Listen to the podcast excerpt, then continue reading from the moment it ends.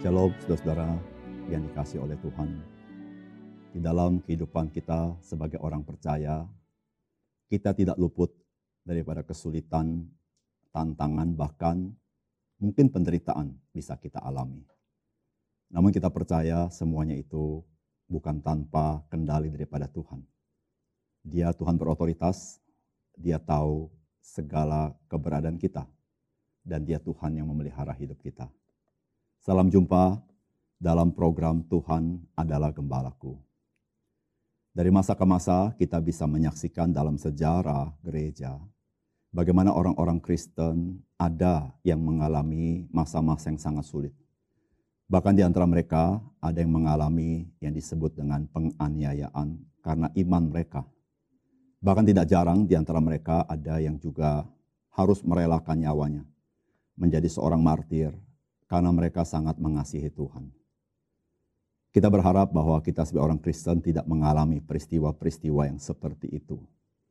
Namun peristiwa yang seperti itu bukanlah sebuah kejadian yang mendadak tanpa diduga sebelumnya. Karena Tuhan Yesus sudah mengatakannya bahwa kita sebagai anak-anak Tuhan mempunyai keniscayaan akan menghadapi segala sesuatu yang bisa menimbulkan penderitaan. Nah, bagaimana firman Tuhan mempersiapkan kita di dalam rangka kita hidup di zaman akhir ini? Saudara, kita akan merenungkan firman Tuhan dari Matius pasal 24 ayat 1 sampai dengan 14.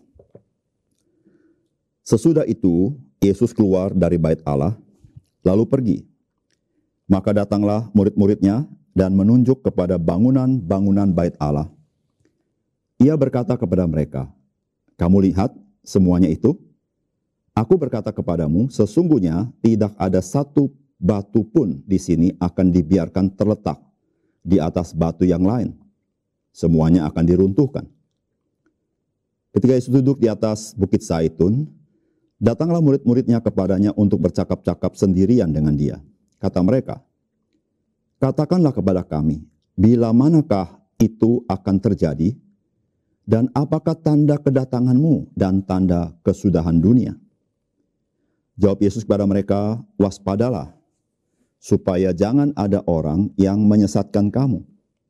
Sebab banyak orang akan datang dengan memakai namaku dan berkata, akulah Mesias, dan mereka akan menyesatkan banyak orang.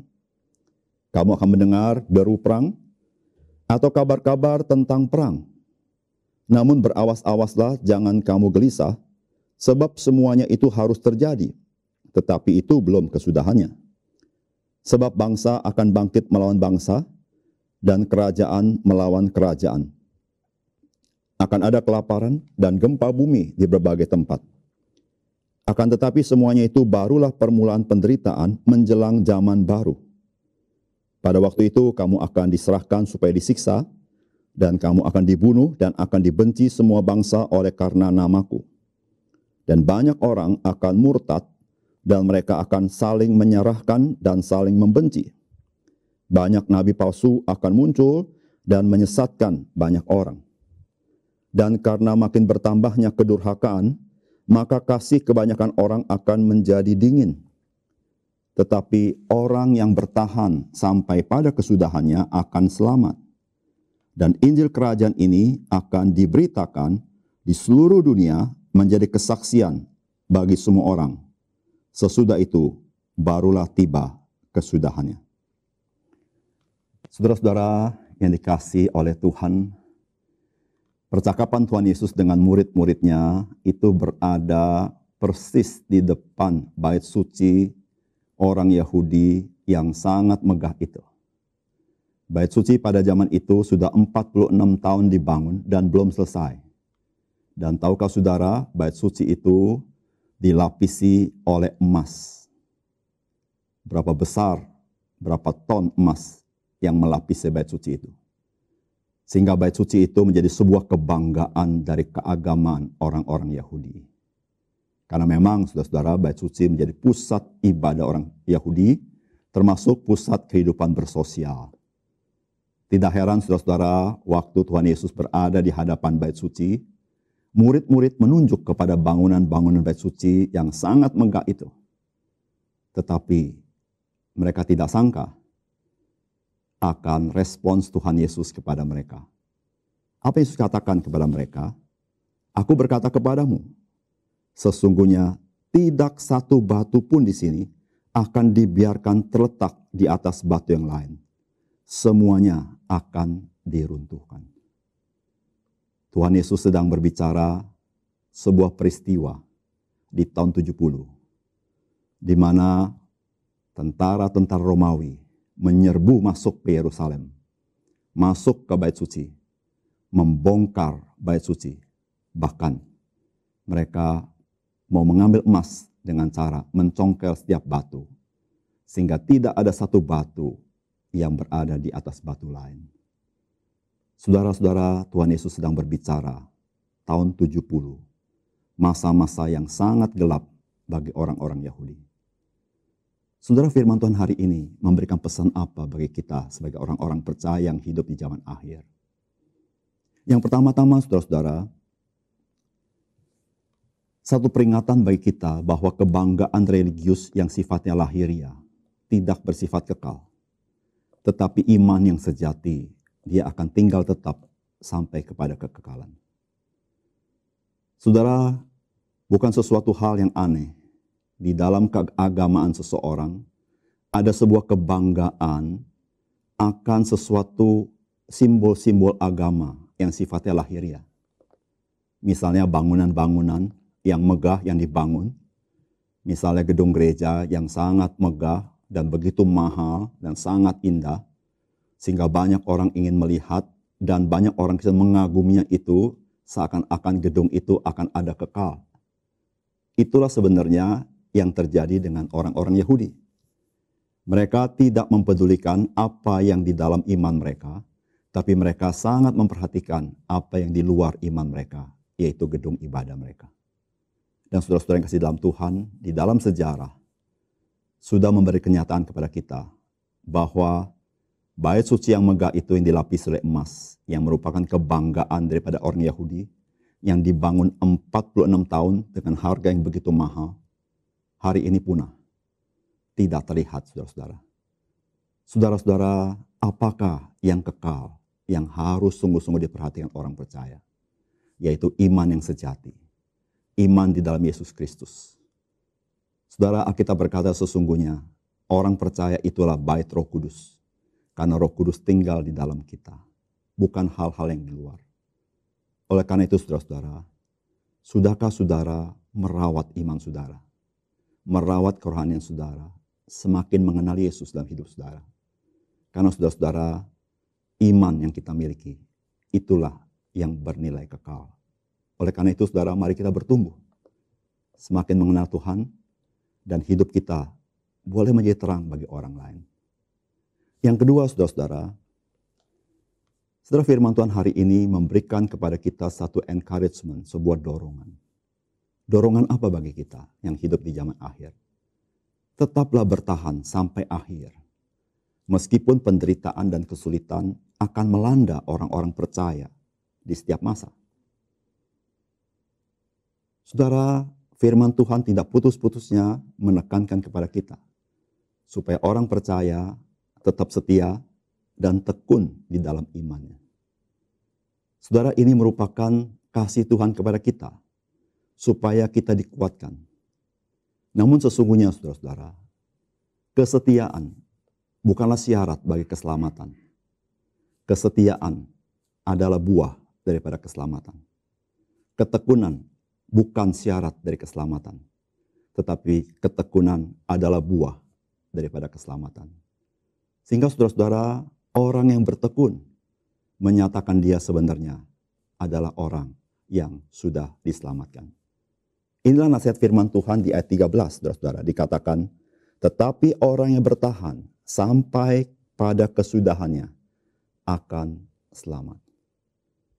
Saudara yang kasih dalam Tuhan, kesulitan apa yang kita alami? Tuhan pasti memberikan kekuatan kepada kita. Karena roh kudus, dialah roh ketekunan yang memampukan kita bisa bertekun di dalamnya. Saudara, oleh karena itu, apa pun yang kita hadapi, mari kita selalu bergantung kepada Tuhan. Karena tidak ada di dunia ini yang dapat kita antisipasi begitu baik. Kecuali antisipasi yang terbaik adalah selalu bergantung kepada Tuhan yang setia. Karena dialah yang memiliki hidup kita. Dan dia ingin saudara dan saya sebagai orang yang diselamatkan menghasilkan buah ketekunan itu. Dan semuanya itu membawa kemuliaan bagi nama Tuhan.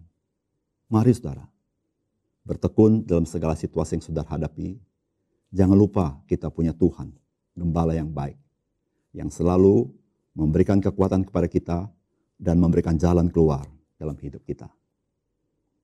Pesan yang ketiga yang firman Tuhan mau katakan kepada kita. Penderitaan, kesulitan, situasi dan kondisi tidak dapat menghalangi untuk Injil diberitakan terus sampai ke ujung bumi. Saudara, ini perkataan Tuhan Yesus ketika Tuhan berbicara tentang kesulitan, penderitaan, ajaran sesat. Di bagian terakhir Tuhan berkata apa? Dan Injil kerajaan ini akan diberitakan di seluruh dunia menjadi kesaksian bagi semua bangsa sesudah itu barulah tiba kesudahannya.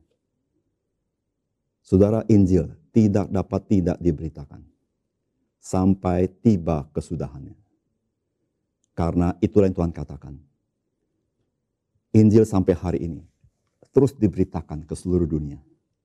Bahkan buku yang paling banyak diterjemahkan adalah Alkitab.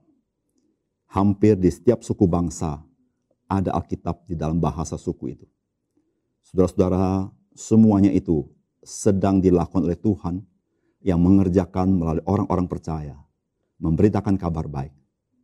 Dan saudara hari ini, Injil diberitakan dengan cara-cara yang sangat luar biasa. Melalui virtual, melalui cara-cara yang lain. Sehingga Injil tersebar ke seluruh dunia, saudara-saudara. Saudara tidakkah engkau melihat bahwa kita sedang hidup di zaman akhir dan segera akan masuk ke dalam akhir zaman.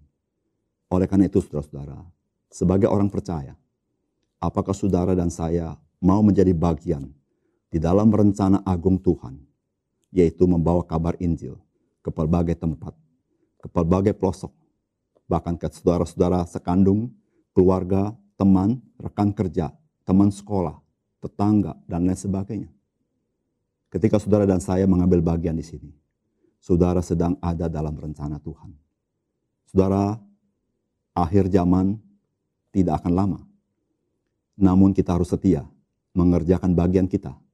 Sehingga ketika Tuhan itu datang, saudara kedapatan menjadi hamba yang baik dan setia. Mari saudara, kita melayani Tuhan dengan sungguh-sungguh, dengan sukacita. Mari kita berdoa. Bapak surga, terima kasih untuk kebenaran firman Tuhan. Biarlah firman-Mu yang memberitahukan kepada kami akan segala kesulitan yang akan dihadapi orang-orang percaya. Tapi firman-Mu memberikan kami suatu dorongan yang kuat bagi kami, supaya kami bertahan dan setia tekun di dalamnya, karena itulah pekerjaan Tuhan. Tuhan bantu kami supaya kami tidak tidak membanggakan hal-hal yang lahiria, yang juga punah dan akan sirna. Tetapi kami sungguh-sungguh memelihara iman yang suci, iman yang teguh, iman yang bertumbuh dalam firman. Karena sesungguhnya Tuhan kami orang percaya adalah bait roh kudus yang sesungguhnya supaya kami mewartakan kabar Injil bagi banyak orang. Tuhan biar zaman akhir kami menjadi orang yang turut ambil bagian di dalam rencana keselamatan Tuhan. Sehingga ketika akhir zaman itu tiba, kami berjumpa muka dengan muka dengan Tuhan. Dan kami tidak pernah menyesal kami ikut engkau dengan setia ya Tuhan. Tuhan hari ini menjadi bagian kami untuk kami kerjakan bagian kami supaya kami boleh menyenangkan hati Tuhan. Bahkan ada orang yang mendengarkan kabar baik. Terima kasih Tuhan. Dalam nama Tuhan Yesus kami berdoa.